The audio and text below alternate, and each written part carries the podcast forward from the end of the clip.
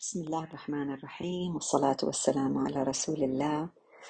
آه، اليوم إن شاء الله رب العالمين بدنا نفتح كتاب مختصر البخاري ونلقي الضوء على حديث الحقيقة في عبر مليانة مليانة.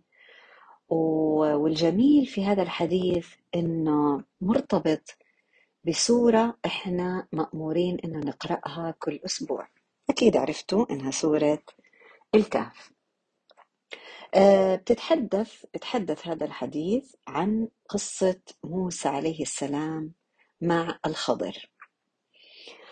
آه، رح ندخل شوي ونغوص ونعيش في مشاعر مع سيدنا موسى عليه السلام ومع الخضر عليه السلام. ونحاول نحط حالنا محله محل موسى عليه السلام. ونشوف شو ممكن إنه إحنا نفهم.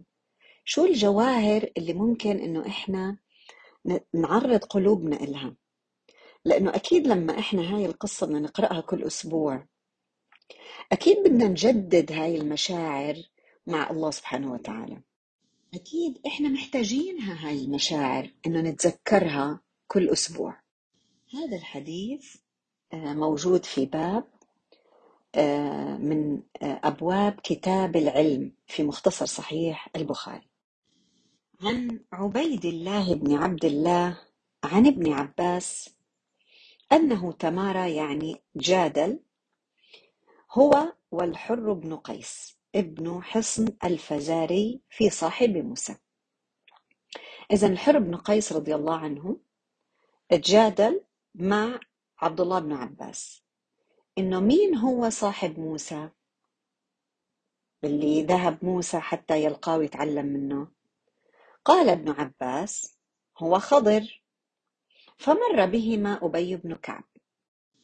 فدعاه ابن عباس فقال إني تماريت أنا وصاحبي هذا في صاحب موسى الذي سأل موسى السبيل إلى لقيه. هل سمعت النبي صلى الله عليه وسلم يذكر شأنه؟ قال نعم. سمعت رسول الله صلى الله عليه وسلم يقول بينما موسى بملأ من بني إسرائيل جاءه رجل فقال هل تعلم أحدا أعلم منك؟ قال موسى لا. فأوحى الله عز وجل إلى موسى بلى عبدنا خضر. فسأل موسى السبيل إليه فجعل الله له الحوت آية وقيل له إذا فقدت الحوت فارجع. فإنك ستلقاه وكان يتبع أثر الحوت في البحر فقال لموسى فتاه أرأيت إذ أوينا إلى الصخرة فإني نسيت الحوت وما أنسانيه إلا الشيطان أن أذكره. قال ذلك ما كنا نبغي. فارتدا على آثارهما قصصا فوجدا خضرا. فكان من شأنهما الذي قص الله عز وجل في كتابه. أول شيء خلينا نتعرف على بعض الشخصيات. عبد الله بن عباس يعني شخصية معروفة ما شاء الله آه، وهو ابن عم الرسول صلى الله عليه وسلم. الحر بن قيس كان أحد الوافدين اللي قدموا إلى النبي صلى الله عليه وسلم لما رجع من تبوك وكان من جلساء عمر رضي الله عنه دائما يجلس معه. فالاثنين الحر بن قيس رضي الله عنه وعبد الله بن عباس اختلفوا في مين كان آه، صاحب موسى آه، اللي آه، ذكره الله سبحانه وتعالى في سورة الكهف. فقال عبد الله بن عباس أنه إيش؟ الخضر. ويظهر أنه رأي الحر بن قيس رضي الله عنه كان مختلف. فجاء مين؟ بمجيء أبي بن كعب رضي الله عنه. فسألوا. وطبعا هون هذا الحديث لأنه أصلا في كتاب العلم بده يقولنا البخاري رحمة الله عليه إنه يجوز أن نأخذ برأي الواحد وبخبر الواحد. مين هو هذا الواحد؟ وأي واحد؟ هو أبي بن كعب. فهم لما عبد الله بن عباس والحر بن قيس سألوا أبي بن كعب كانوا بيبحثوا عن حل لاختلافهم. طب ليش هم وثقوا بأبي بن كعب؟ مين هو أبي بن كعب؟ سبحان الله هو صحابي وقارئ وفقيه وكاتب للوحي. راوي للحديث النبوي من الأنصار وخاصة من الخزرج. شهد بيعة العقبة الثانية وجمع القرآن سبحان الله يعني حفظه وعرضه على النبي صلى الله عليه وسلم في حياته. وكان أحد الأربعة اللي جمعوا القرآن في حياة النبي صلى الله عليه وسلم. كان معه معاذ بن جبل وزيد بن ثابت وأبو زيد رضي الله عنهم جميعا وكلهم من الأنصار.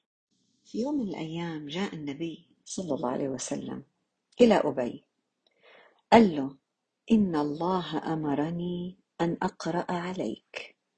إن الله أمرني أن أقرأ عليك لم يكن الذين كفروا من أهل الكتاب.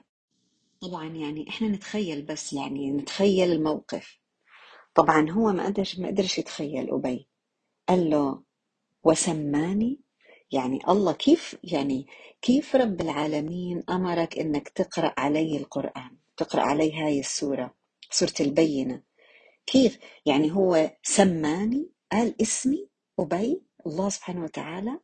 قال نعم فبكى أبي بن كعب. هاي القصة بس بس هاي القصة.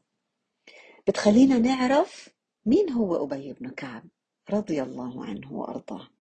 شهد له الرسول صلى الله عليه وسلم بأنه أقرأ الأمة. وقال آه، معمر بن راشد قال عامة علم ابن عباس. شوفوا إحنا بنعرف حبر الأمة ابن عباس رضي الله عنه. علمه عامة علمه أخذه من ثلاثة من عمر وعلي وأبي رضوان الله عليهم. وطبعا كان ابن عباس رضي الله عنه من صغار الصحابة. في لفتة كتير حلوة هون آه، يعني شوفوا كيف الثقة والإحترام اللي كان ما بين الصحابة وكيف إنزال آه، كل يعني شخص منزلته. لما يكون أبي رضي الله عنه أقرأ الأمة. ومين هو ابن عباس؟ أصلا يسمى حبر الأمة وترجمان القرآن. يعني برضه دعاله الرسول صلى الله عليه وسلم اللهم علمه التأويل وفقهه في الدين. إلا أنه إحنا هون عم نلمس قاعدين في لفتة تواضع في حب العلم في حب التحقق من مصداقية المعلومة. في إنه الخلاف والتماري والتجادل لا يفسد في الود قضية. يعني شوفوا كيف شوف كيف أدب عبد الله بن عباس. قال إني تماريت أنا وصاحبي هذا. مش يعني إنه كمان أي واحد. حتى ما قال له تماريت أنا والحر بن قيس قال له أنا وصاحبي. شوف التقارب. في صاحب موسى يعني الذي صحبه موسى. بقول مفسر الذي سأل موسى السبيل إلى لقيه يعني سأل الله سبحانه وتعالى إيش الطريق حتى يلقاه. فقال له هل سمعت النبي صلى الله عليه وسلم يذكر شأنه؟ وهون طبعا برضه هون قد إيه مهم أهمية السماع يا جماعة هي أعلى الدرجات السماع من الرسول صلى الله عليه وسلم. فقال نعم سمعت شوف كيف ال ال هاي بسموها صيغ التحمل. يعني كيف تحملت العلم يا أبي بن كعب؟ قال سمعت رسول الله صلى الله عليه وسلم يقول هلا طبعا إحنا حلو إنه نعرف هي ايمتى حصلت هذه القصة في حياة موسى عليه السلام. هون هاي القصة حصلت أيام ما كانت آه، آه، لما كان موسى عليه السلام وقومه بني إسرائيل في التيه يعني تقريبا في نهاية حياة موسى عليه السلام. في هذيك الفترة قام موسى عليه السلام خطيبا عم بيعمل خطبة في بني إسرائيل فسئل أي الناس أعلم؟ هيك طلع واحد وقال له مين أعلم عنها من على الأرض؟ أو أي الناس أعلم؟ قال أنا ليش ليش ليش رد هيك موسى عليه السلام؟ يعني هو كان شفنا كيف كان وضع بني إسرائيل. وبعدين شفنا كيف فرعون. وعارفين إنه يعني موسى عليه السلام كلم الله عز وجل. يعني هو كليم الله وكان يوحى إليه. وجاءته الصحف. فيعني هو على حسب علمه موسى عليه السلام إنه هو أعلم من على الأرض أو هو أعلم الناس. هذا كان على حسب علمه. يعني هو صدق على حسب علمه. لكن الله سبحانه وتعالى يا جماعة صنع موسى عليه السلام والأنبياء على عينه ولنفسه. فربنا ما برضى آه، يعني حتى أحبابه من الأنبياء يغلطوا. نتذكر هذا الحكي صار مع محمد صلى الله عليه وسلم لما نزلت آية وسورة عبسة اللي بنقرأها لليوم وإلى أن يرفع القرآن عبس وتولى أن جاءه الأعمى. ليه؟ لأن الله سبحانه وتعالى هو الحق ولا يقبل إلا الحق. فهون بقول الحديث فعتب الله عليه. أنا عم بحاول يعني بجيب لكم رواية أخرى كمان من الأحاديث هيك بنحاول نجمع روايات كثيره وكلها إن شاء الله صحيحة. فعتب الله عليه. ليش؟ لأنه كليم الله. يعني اعتبر الله سبحانه وتعالى هاي الكلمة هفوة. فعتب عليه. ليش عتب عليه؟ قالت بيقول الحديث إذ لم يرد العلم إليه. ليه؟ يعني إنه آه، موسى عليه السلام لم يقل فيما أعلم أنا أنني أنا أعلم أهل الأرض. أو لم يقل والله تعالى أعلم. مثلا أنا والله أعلم. أو ما رد كما ردت الملائكة لما قالوا لا علم لنا إلا ما علمتنا إنك أنت علام الغيوب.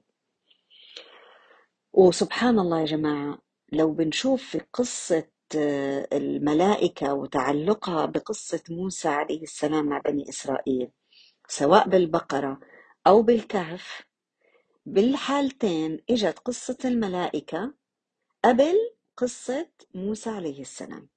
تمهيد. سبحان الله في كتير يعني تعلقات وأشياء الواحد بيقدر يلاقيها ما بين القصص. هلأ على حسب علم نبي الله وكليم الله موسى عليه السلام آه هو أعلم أهل الأرض بإيش؟ بالشرع. ما هو ما إحنا قلنا هو كليم الله. شو يعني كليم الله؟ إيش يعني بتنزل عليه؟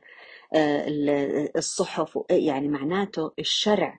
هلأ الشريعة اللي اللي رب العالمين منزلها على النبي اللي اختاره الله سبحانه وتعالى في تلك الفترة هذه مين أعلم آه، الناس بهذه الشريعة؟ كان موسى عليه السلام وقد صدق. فعلا ما كان في حدا على وجه الأرض أعلم من موسى عليه السلام في الشريعة. لكن الله سبحانه وتعالى أراد أن يوجه موسى عليه السلام. وليعلمنا كلنا من بعده. فوجه الله موسى عليه السلام للخضر. والخضر يا جماعة مرات آه، هي يعني قد تقرأ الخضر وقد تقرأ الخضر أو الخضر. كله صحيح لكن في رواية البخاري مشكلة الخضر. ألجأ الله موسى للخضر ليش؟ للتأديب لأنه عتب عليه. للتأديب وليس للتعليم. والعلماء ما عندهم مشكلة بذكر هاي الجملة على فكرة. ليه؟ لأنه الله سبحانه وتعالى قال له إيش؟ ولتصنع على عيني هذه الحب. المحبة صديقك من صدقك لا من صدقك. المحبة مش إنك تمرق بس وتطنش. المحبة لما اللي الإنسان اللي بربي لما يشوف اللي عم بربيه عم بيغلط. ما بيتركه يغلط. بوقفه وبقول له وقف شوي. هلأ في مرحلة بدك تتعلم فيها شيء جديد. هذا هو الحب. هذا هو التعليم. هلأ هذا شيء راقي وجميل وإحقاق حق. والشيء الجميل الثاني اللي إحنا بنتعلمه كيف كان الطالب مؤدب مع ربه مع معلمه مع مربيه مع من اصطنعه لنفسه وعلى عينه. كيف موسى عليه السلام ما حتى ما قعد يبرر أمام الله عز وجل ما قعدش يقول له بس أنا يا ربي أنا لإني أنا يعني أنت أصلا أنا بكلمك وأنا كان قصدي لا خلص قال له يا رب طيب أنا كيف ألقاه عشان أروح أتعلم منه؟ رغم إنه موسى عليه السلام هو الأفضل على فكرة. ليش؟ لأنه من أولي العزم من الرسل. والخضر هو إنسان عادي يعني شخص عادي الله سبحانه وتعالى آتاه العلم. حتى اختلفوا العلماء في هل هو ولي ولا نبي وأغلب يعني تقريبا أغلب الأقوال على أنه نبي. إيش يعني نبي؟ نبي غير مرسل يعني ما في عنده رسالة ما في تشريع. لأنه الرسول هو اللي معه رسالة ومعه تشريع بده يضيف على التشريع اللي النبي اللي قبله أو الرسول اللي قبله. لكن كان في أنبياء كتير أعدادهم كتير كبيرة وفي بعض الأحيان كان يبقى أكثر من نبي بنفس الفترة. آه، لذلك أيضا يعني في بعض الكلمات ذكرت قالها الخضر اللي هي مثل وما فعلته عن أمري. ليش؟ لأنه الولي بيعمل أشياء من اجتهاده هو. هون آه، الخضر عم ببين إنه لم يفعله من أمره ولكن إيش؟ قال الله آتيناه رحمة من عندنا وعلمناه من لدنا علما. اذا كأنه هو كان يوحى إليه آه، بطريقة أو بأخرى إنه في علم خصص الله سبحانه وتعالى أتاه لهذا آه، الشخص وهو الخضر عليه السلام. اذا هون الفاضل بيتعلم من المفضول وهذا إشي ما فيش فيه أبدا أي حرج. يعني الإنسان الأفضل ممكن يروح على الشخص اللي أقل منه مرتبة عشان يتعلم منه. ما في حرج أبدا بهذا الموضوع. وهذا هاي من الأشياء واللفتات الحلوة اللي إحنا مفروض نتعلم منها. أوحى الله هون إلى موسى عليه السلام قال له إن لي عبدا عبدا كيف جاي أول شيء نكرة اللي هيك للتفخيم وكمان إجت فيها تنوين للتفخيم.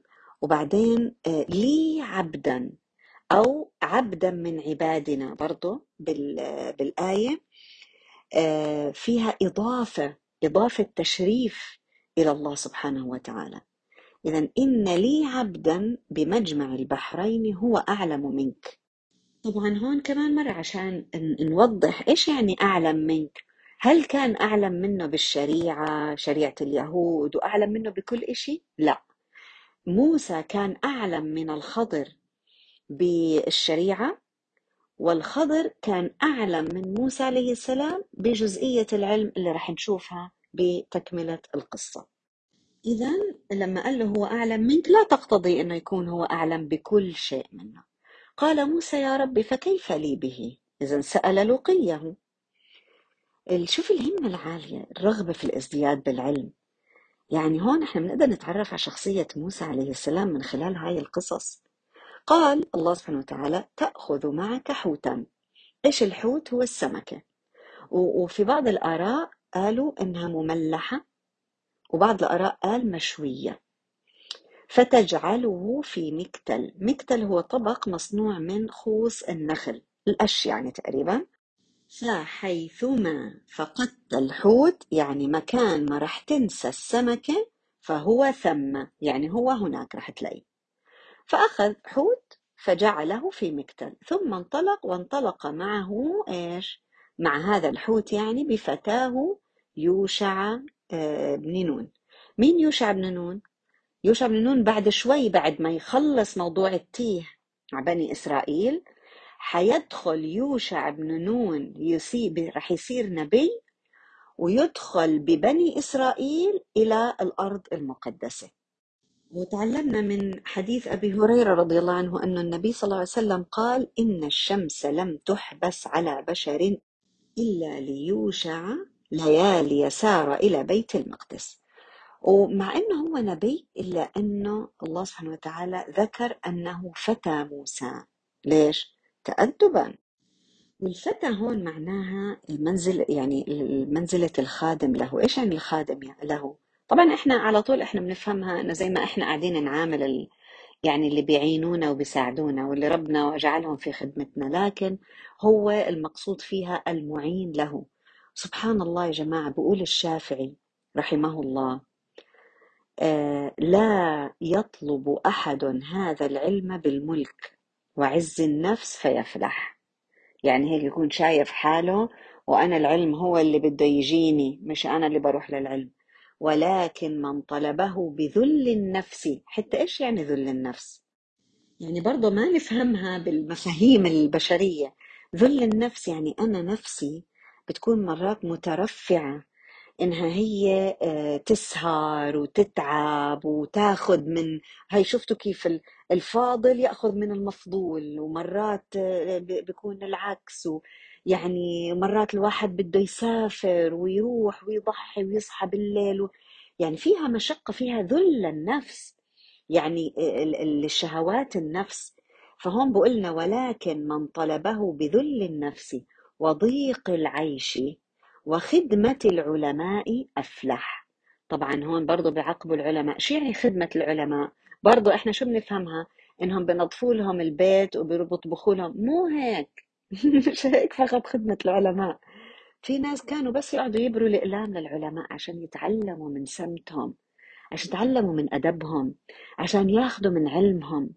خدمة العلماء مش بس متخصصة في الطبيخ وال- والغسيل والتنظيف وال... لا.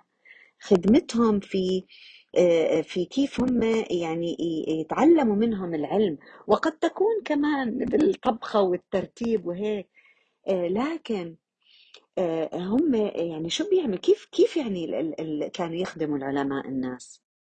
هون بيقولوا سبحان الله مش يخدمهم بمقابل مادي ولكن من نابع الصداقة والأخوة. عرفتوا إيش يعني خدمة العلماء؟ يعني مش واحد فوق التاني لا التنين بس في واحد قاعد أكيد عم يتعلم من أكيد في واحد أعلى علما من الآخر فبتلاقيه قاعد إيش؟ يستفيد من إنه هو يساعده علشان يقدر إيش؟ يتلقط العلم منه. وهذا هو اللي بيفلح سبحان الله. فعلا يعني يا جماعة مرات آه الإنسان ممكن يجي يقعد يحضر دروس مع ناس ويسمع مثل ما بسمع عامة الناس. لكن وين الدروس اللي بنلاقيها الجواهر هاي تبعت العلماء؟ بتكون مخبية. دائما بنسمع لما كان الشيخ الفلاني يقعد مع الشيخ الفلاني بالسيارة لما راح عنده عبيته مش عارفة إيش صار. هاي الأشياء المخبية هي فعلا اللي فيها اللفتات وفيها الفلاح اللي بتعلمه الإنسان سبحان الله. مش فقط مقيدة بالدروس العامة وإن كان طبعا الدروس العامة فيها أكيد من الفوائد والنفع الكتير لكن برضو آه، ملازمة العلماء بصير الإنسان يتعلم من خلالها الأشياء الخفية اللي ربنا آتاها لهدول الناس سبحان الله. أول جملة قالها موسى لفتاة يوشع بن نون رضوان الله عليهم صلى الله عليه وسلم جميعا. قال وإذ قال موسى لفتاه لا أبرح حتى أبلغ مجمع البحرين أو أمضي حقوبا. شو يعني؟ يعني أنا لا أبرح يعني لن أزال مستمرا في المسير رح أضلني. ماشي. حتى أبلغ مجمع البحرين يعني المكان اللي ربنا دلنا عليه وهو مكان التقاء البحرين والصراحة اختلفت يعني الآراء إيش هم هدول البحرين ويعني هاي معلومة يعني ما مش كثير حتفيدنا إذا إحنا عرفناها أو لا. إذا حتى أبلغ مجمع البحرين أو أمضي حقوبا لكن يظهر إنها في منطقة اللي هي مكان التيه عند سينا صحراء سينا وهذيك المناطق. أو أمضي حقبة شو يعني؟ أو الحقب اللي هي الأزمنة يعني راح أضلني إذا ما لقيت مجمع البحرين راح أضلني شوفوا الهمة. زمن مهما ياخد فيه الزمن ياخد. أنا راح أضلني آه، أبحث حتى أصل إلى هذا الخضر وأتعلم منه. شو بنتعلم هون اللفتة من موسى عليه السلام؟ أول شيء الهمة العالية. ثاني شيء في خطة. في خطة في عنده هدف. حط هدف لنفسه بعدين خطط هو ويوشع بن نون وقال له يلا انت هلا رح تاخذ ال- الحوت ولما نوصل لهذيك المنطقة شو كيف الإنسان لازم يكون عنده يحط لنفسه هدف وبعدين يحط خطة عشان يحقق هذا الهدف بعدين يضل يحاسب نفسه علشان يعرف هو وصل ولا ما وصل. ودائما هاي يضل يظبط البوصلة تبعته يا ترى أنا رايح باتجاه هدفي ولا أنا ضيعت هدفي؟ حتى إذا أتيا الصخرة وضع رؤوسهما فناما عند صخرة فنام واضطرب الحوت في المكتل إيش يعني؟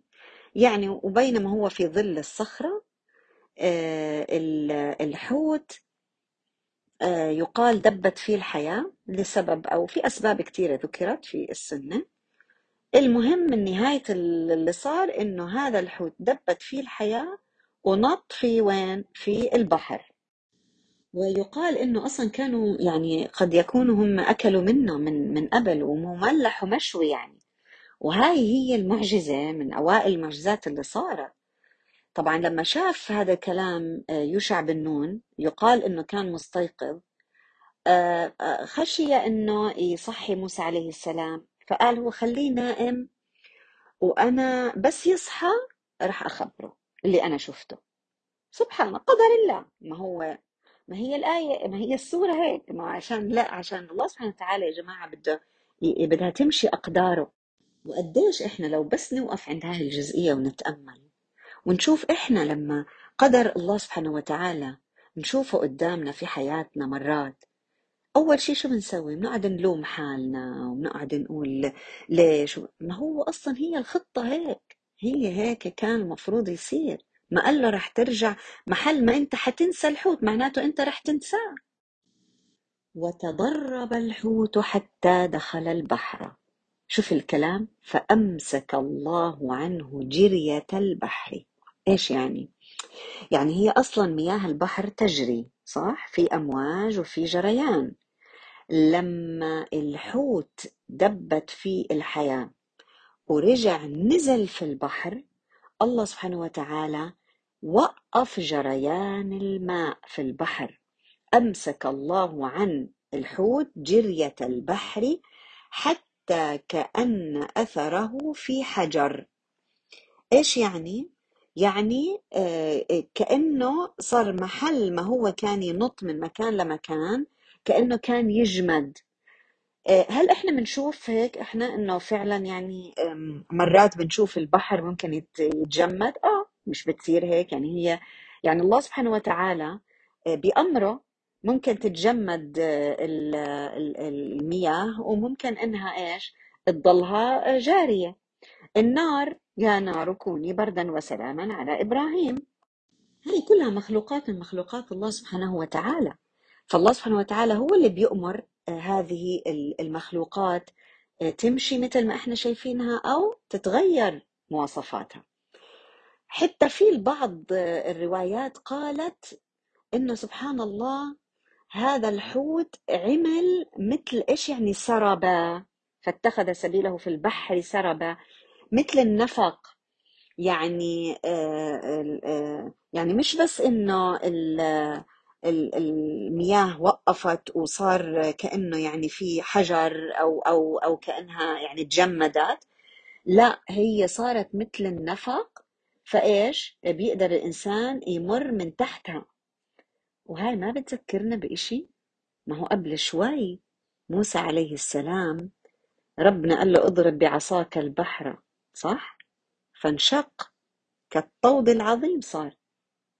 فسبحان الله يعني هذا الشيء يعني عم بيرجع بيتكرر مرة ثانية مع موسى عليه السلام وفي قصة موسى عليه السلام. فاتخذ سبيله في البحر سربا. بس ذكرت برضه وصف ثاني لهذا السبيل. الله سبحانه وتعالى كمان سماه إيش؟ واتخذ سبيله في البحر عجبا. كان هذا السبيل هذا الطريق مسرب للحوت ولكن اللي عمله الحوت والطريقة اللي آه، اللي اتخذها هذا الحوت في البحر كانت عجيبة. فكانت بيقول الرسول صلى الله عليه وسلم سربا للحوت وعجبا لموسى وفتاه.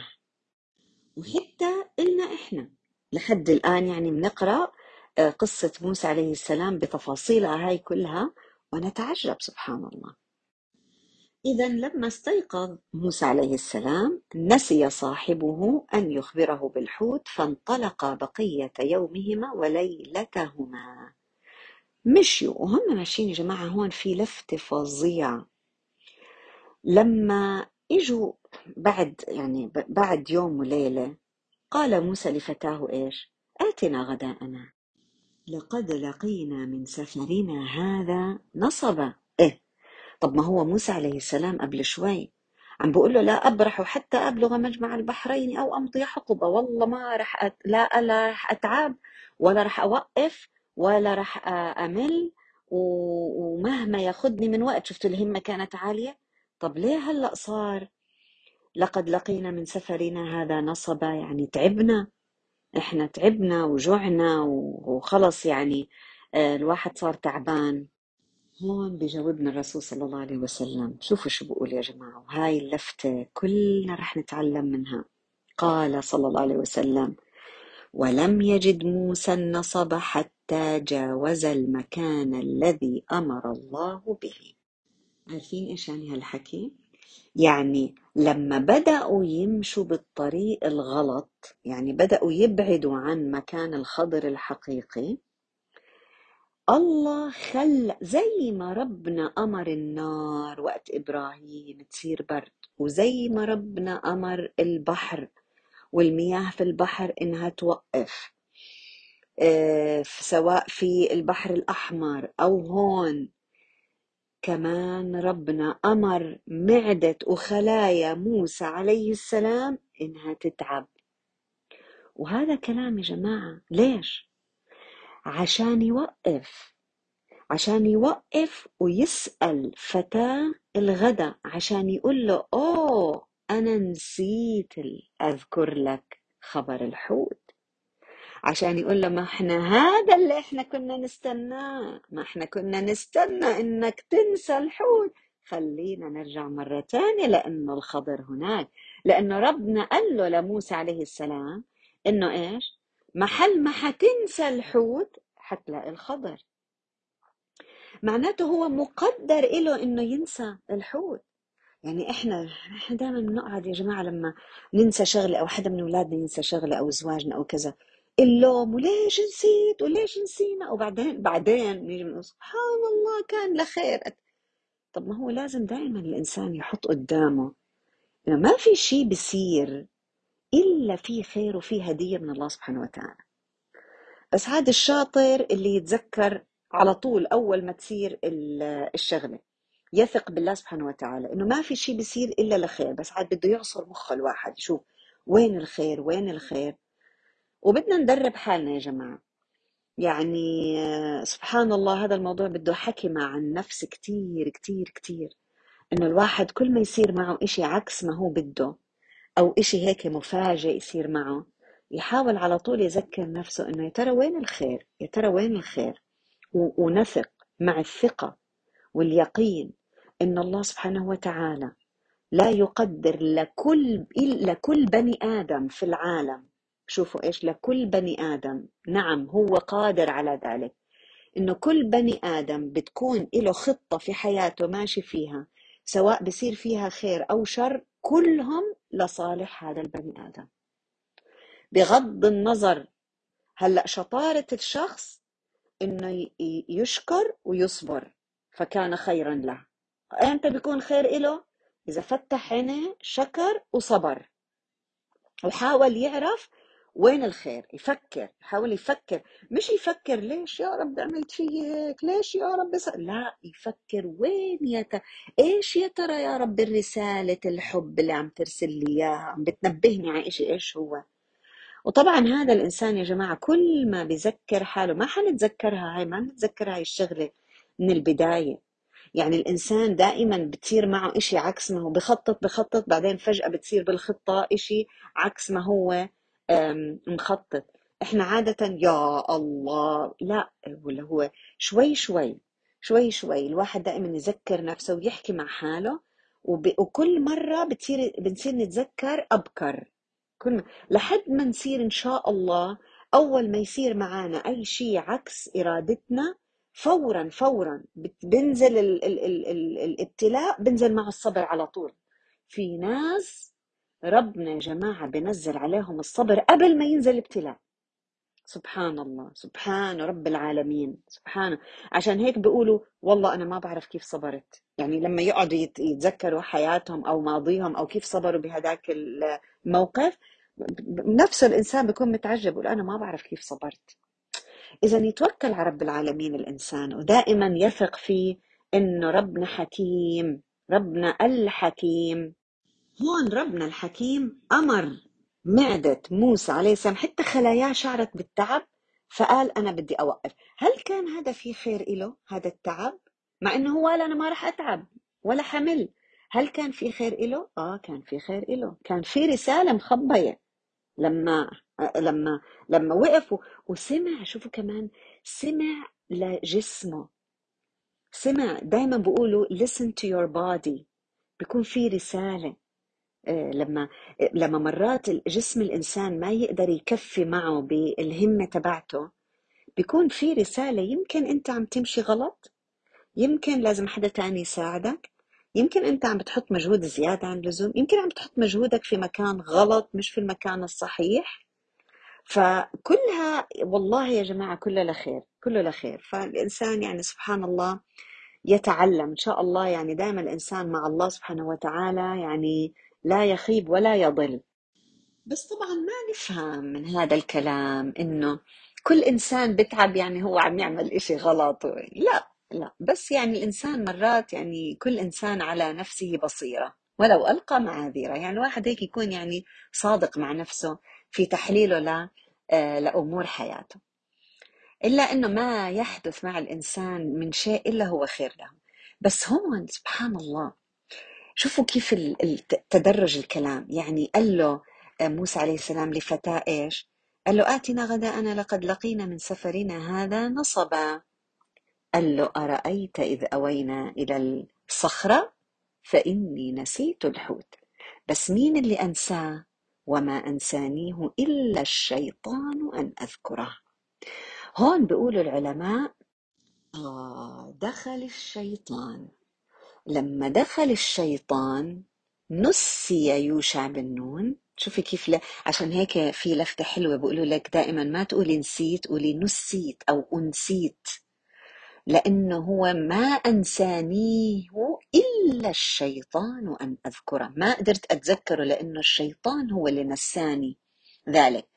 هلأ مجرد أنه دخل الشيطان هون تبع ذلك بيقولوا العلماء النصب والتعب.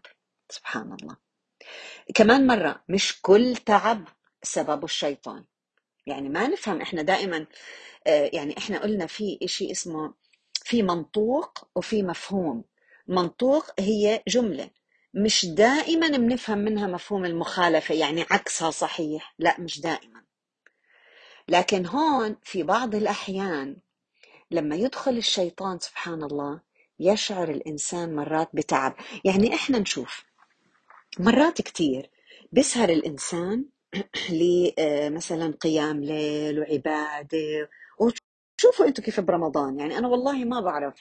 يعني صراحة برمضان ربنا بيعطينا طاقة إيمانية. أنا بحياتي يعني أنا ما ما بعرف ما بلاقي في بلاقيش طول السنة مثل هذيك الطاقة.